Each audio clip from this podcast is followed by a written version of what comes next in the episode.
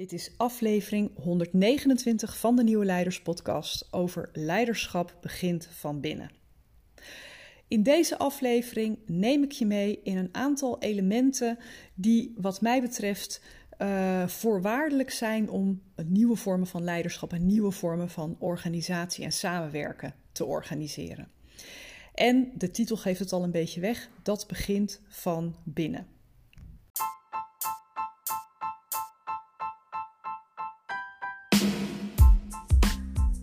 Nieuwe tijden vragen om nieuw leiderschap. Mijn naam is Petra Kuipers en vanaf deze plek neem ik je mee op onderzoek naar hoe we nieuwe vormen van leiderschap kunnen ontwikkelen in organisaties, in teams en niet in de laatste plaats bij onszelf. Samen herschrijven we de definitie van leiderschap. De Nieuwe Leiders Podcast is een podcast vol inspiratie en informatie voor formele en informele leiders. Let's go! Afgelopen jaren heb ik steeds meer mogen ervaren in de opdrachten die ik heb gedaan en met de mensen waarmee ik heb samengewerkt, dat de manieren waarop we het altijd als ja, vanzelfsprekend gedaan hebben, dus organiseren, aansturen, leiding geven, dat die steeds minder goed zijn gaan werken. En ik ben toen op onderzoek gegaan naar wat werkt er wel in deze tijdgeest. En aanvankelijk heb ik de inzichten die ik daarbij heb, heb opgedaan vertaald in een leergang inspirerend leiderschap. En uh, die geef ik nog steeds met heel veel liefde en plezier op een heel aantal plekken in company. Maar naarmate je zelf nog weer meer ervaart, meer leest, meer studeert, uh, meer gesprekken hebt met mensen, maar ook je eigen bewustzijn ontwikkelt en daardoor zelf verandert, verandert er ook wat je wil uitdragen. En dat bracht me op een paar gedachten. Ten eerste, als dat voor mij geldt, dan geldt dat waarschijnlijk ook voor jou. de wereld verandert, uh, jij verandert, maar in de drukte van alle dag nemen we zelden bewust de tijd of de rust om te recalibreren. Om eens te kijken van wie ben ik geworden tijdens die reis en waar sta ik nu? En um, hoe ik denk en reageer en functioneer, past dat daar nog bij? En laten we wel zijn, agenda's zijn gewoon vol. Dagen zijn over het algemeen hectisch. En tijdens vakanties of onder de kerstboom hebben we niet of, of maar zeer beperkt de tijd om eens stil te staan bij wie we gedurende de rit zijn geworden. En of de manier waarop we nu functioneren daar nog steeds bij past. En het gevolg is dat ieder van ons meestal min of meer functioneert op basis van keuzes en patronen die we al een hele tijd geleden onszelf hebben aangewend. En waarvan we ons zelden nog afvragen of die nog altijd passen bij wie we zijn en bij ehm, hoe we ons hebben ontwikkeld. En dat is natuurlijk zonde, want daarmee functioneren we nou ja, toch nog te veel op de automatische piloot, hoe bewust we ook denken dat we zijn. En daarmee laten we mogelijk ook een hele hoop potentieel onbenut. En toen ik aan het begin van dit jaar voor mezelf een bezinningsperiode inlas en letterlijk en figuurlijk afstand nam van waar ik mee bezig was, kwamen daar een paar inzichten uit naar boven die ertoe geleid hebben dat ik het leiderschapslab heb opgericht in de vorm die het nu heeft gekregen. En het eerste inzicht uh, wat ik hier wil delen is dat niemand die in deze tijd hier op deze aarde leeft al eerder met dit builtje heeft gehakt. En dan bedoel ik, geen van ons heeft al geleefd in een tijd waarin tegelijkertijd allerlei systemen enorm onder druk staan. Technologie in een enorm tempo oprukt en heel bepalend wordt voor ons dagelijks leven. De wereld en de onderlinge verhoudingen heel snel veranderen en wat ook tot allerlei spanningen en polarisatie leidt. Geen van ons heeft hier ervaring mee gehad in zijn levensdagen tot nu toe. En toch hebben we te functioneren in deze dynamiek. Hoe zorg je nu dat het je niet overkomt, maar dat je ja, eigenlijk de beweging mee kan vormgeven? Dat je misschien niet zozeer de regie pakt als dat niet ja, bij, bij je rol of, of, of, ehm, of functie hoort, maar nou ja, dat je uh, helpt om de toekomst te laten ontstaan op een manier um, die bij je past, die, die ook uh, uh, nou ja, die, die goed voor je is. En dat speelt tegelijkertijd, dus die toekomst mee laten ontstaan, terwijl het dagelijks leven ook gewoon doorgaat. De winkel blijft gewoon open. We hebben gewoon onze dagelijkse doodnormale dingetjes te doen, onze resultaten te bereiken, onze rapportages te maken en noem het allemaal op. Dat speelt allemaal naast elkaar. En om daar, terwijl die winkel open is, zo'n transformatie door te maken, dat vraagt om een andere taal, andere manieren van denken, andere werkvormen, andere manieren van ons tot elkaar gaan verhouden. Kortom, een heel andere manier van zijn. Als we verandering willen, is het zelden zinvol om gewoon meer te gaan doen van wat we al deden of om het harder te gaan doen. ze zeggen wel eens, het is een gezegde of een cliché of allebei, uh, dat de definitie van dwaasheid is steeds opnieuw hetzelfde doen en andere resultaten verwachten. Dat werkt zo niet. Wat nodig is voor echte transformatie is een ander soort innerlijke houding dan wat in onze cultuur tot nu toe gebruikelijk is. dus anders dan hoe we het van oudsher geleerd hebben, of dan wij denken op dit moment van ja, maar zo is het nu eenmaal. Dat is hoe wij het hier doen. Dus mijn idee, mijn eerste idee was: ik wil graag een soort laboratoriumsetting creëren. Een, een prettige, veilige container met een groep ja, bewuste mensen. Een setting waarin we echt de tijd en de aandacht hebben om te ervaren. Ehm, wat doen we nog altijd zo omdat onze cultuur dat van oudsher bepaalt? wat doen we omdat we nu eenmaal denken dat dat is hoe het hoort, dat dat het normaal is? En wat zou er gebeuren als we in plaats daarvan uh, op een aantal punten onze natuur meer in de lied zouden laten? Van cultuur naar natuur. Waar doen we dingen uh, omdat we denken dat iedereen het van ons verwacht, hè? of omdat het ons onbewuste normaal tussen aanhalingstekens is geworden? En wat gebeurt er als we daar op een aantal plekken andere keuzes in gaan maken? Wat breekt dat open? Wat voor nieuwe mogelijkheden zien we dan? Ik ben heel nieuwsgierig als je dit luistert, wat dan het eerste thema is wat in je opkomt, waar cultuur misschien in de weg staat aan wat we zouden doen als we onze natuur meer de vrije teugels zouden laten. En het hangt natuurlijk een beetje samen met je mensbeeld. Of je de menselijke natuur ziet als een aantal woeste, op concurrentie en competitie gerichte, uh, bloeddorstige types. Of dat je onze natuur van, ziet als we zijn onderdeel van een, van een samenleving, van een, een geheel, van een groter organisme, waarbij we met elkaar een soort ja, dekkende lappendeken vormen, ehm, die in principe genoeg zou moeten zijn om voor iedereen veilig, prettig en, en, en overvloedig te kunnen zijn. Dus dat voor de beweging van cultuur naar natuur. En waarom kies ik in dit vraagstuk voor leiders? Waarom ga ik in het leiderschapslab met leiders aan de gang? Nou, heel simpel. Mensen die met mensen werken zijn voor mij echt een accelerator. Want met je manier van zijn breng je mensen in je omgeving ehm, eh, in, in, beweging, zeg maar. De mensen in je omgeving raak, jou met jouw manier, raak je aan met jouw manier van zijn op een manier ehm, die je niet kan door andere manieren van communicatie. Denk maar eens na wat er gebeurt als je uh, onderweg een vreemde tegenkomt en daar naar glimlacht. Je merkt dat zo iemand al wat meer ontdooit en dat dat ook iets doet met zijn of haar energie en die neemt dat ook weer mee in de dag. Dus je kunt op hele simpele, laagdrempelige manieren een enorm krachtig ripple effect in gang zetten. En als jij werkt met mensen, uh, dan, ja, dan, dan heb je gewoon een enorm bereik. Dan met wat jij, uh, wat jij aanzet, wat jij in het bewustzijn brengt van mensen, zet je mensen ook weer aan tot andere manieren van denken en organiseren en reageren.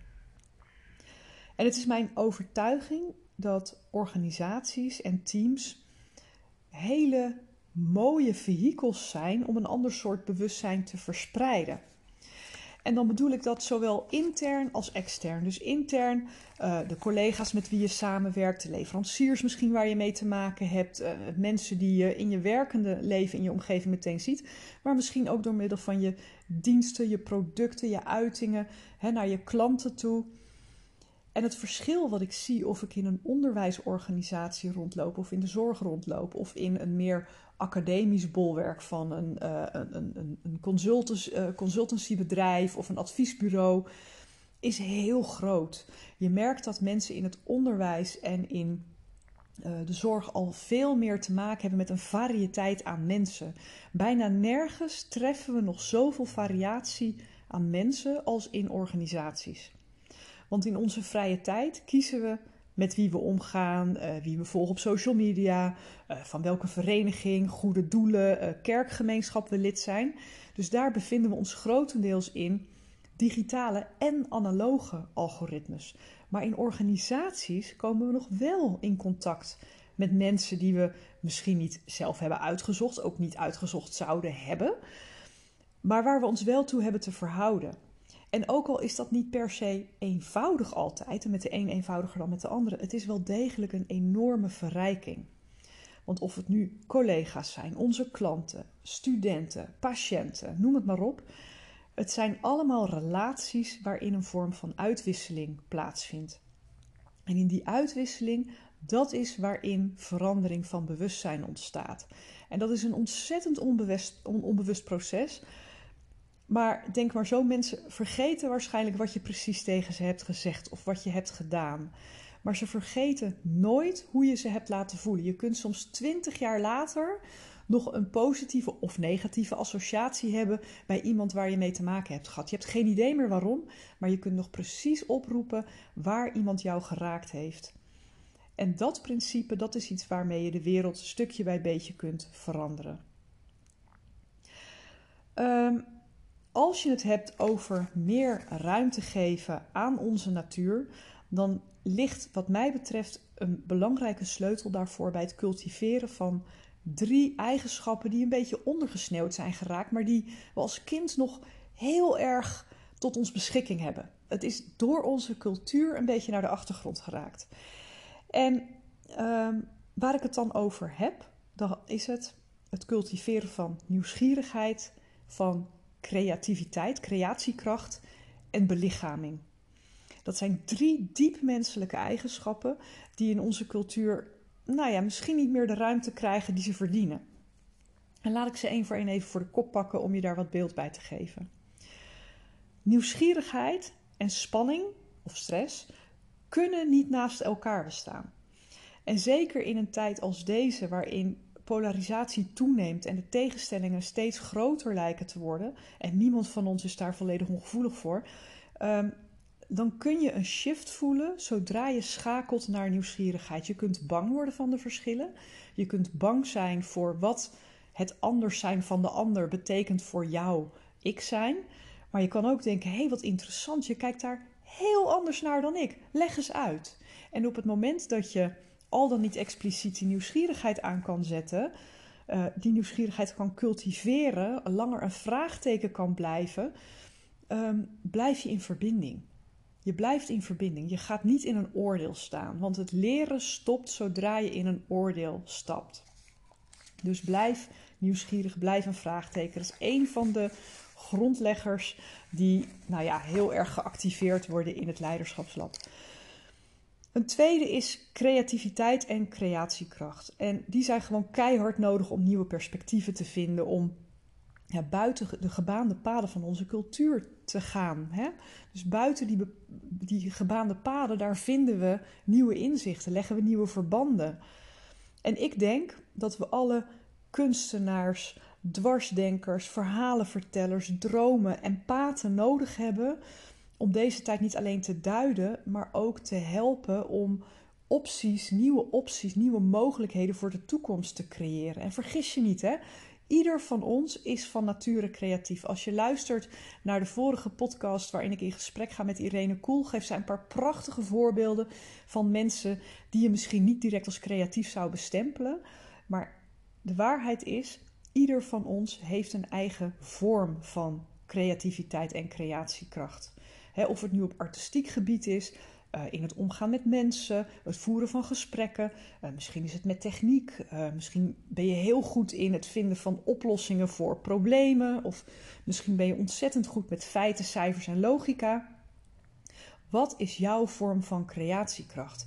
En hoe kun je die, ja, zeg maar die schuif nog veel verder openzetten? Want dat is wat we op dit moment heel hard nodig hebben.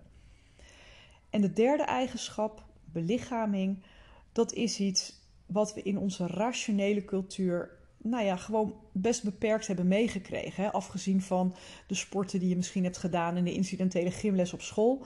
Vanaf jonge leeftijd worden we meer getraind in het verwerken en produceren van hoofdige, rationele informatie. En we raken zo stukje bij beetje het contact met ons lichaam en tussen ons lichaam en onze omgeving kwijt. En daarmee gaat dus ook heel veel informatie en innerlijke wijsheid verloren, want ons lichaam is een belangrijk instrument. Daar waar mensen van oudsher veel meer in contact staan met hun gevoel, met hun lijf, uh, met hun relatie tot de omgeving.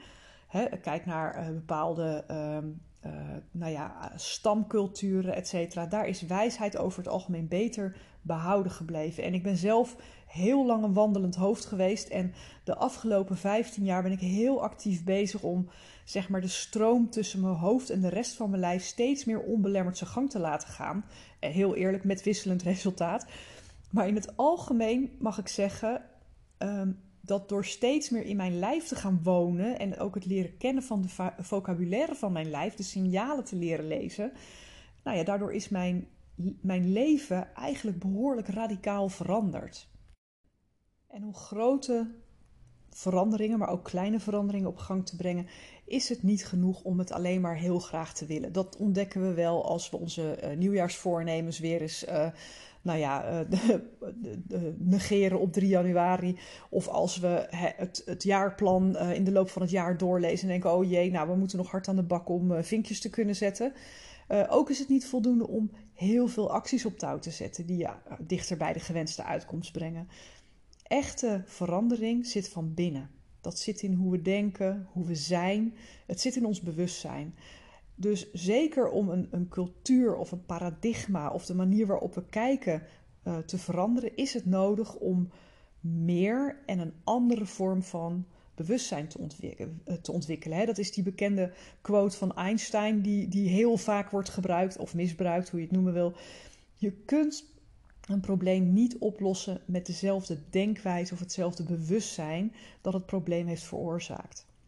En in de buitenwereld kunnen prikkels allemaal de goede kant op worden gezet. Maar als we van binnenuit niet veranderen, dan internaliseren we het niet. Dan blijft het bij acties, dan blijft het bij vinkjes zetten. En dan gaan we weer verder met hoe het altijd was. En dan kunnen we externe prikkels steeds dwingender maken, belastingen invoeren, straffen verhogen, subsidies, uh, toekennen, rechten beperken, steeds harder herhalen wat het gewenste uh, gedrag is. Naming en shaming. Maar op heel veel van ons heeft dat juist een averechts effect. We worden daardoor juist recalcitrant of, of murf of reactief. Dus we gaan dan handelen vanuit dwang of vanuit angst. En we denken zelf niet meer na en nemen ook geen verantwoordelijkheid of eigenaarschap. Dus manieren uitvinden om onszelf en ons bewustzijn zo te ontwikkelen dat we betere antwoorden vinden op de systemische uitdagingen um, waar we als mensheid voor staan, maar misschien ook wel de kleinere systemische uitdagingen waar je als leider voor staat in je team. Dat was voor mij de reden om het leiderschapslab te creëren. Nou, ik dacht een aantal van deze inzichten wil ik heel graag met je delen. Uh, mocht het resoneren, neem even contact met me op. De leergang open inschrijving is inmiddels vol, maar ik geef ze nog volop in company. En zeker als je ook op de wachtlijst wil voor de volgende editie, laat het me weten. Dan heb ik je er heel graag bij. Dankjewel voor het luisteren naar de Nieuwe Leiders Podcast. Was deze aflevering waardevol voor je? Door hem te delen of een recensie achter te laten, help je nog veel meer mensen om de Nieuwe Leiders Podcast te vinden. En vergeet niet de podcast te volgen zodat je niets meer mist. Ik tref je graag bij de volgende aflevering.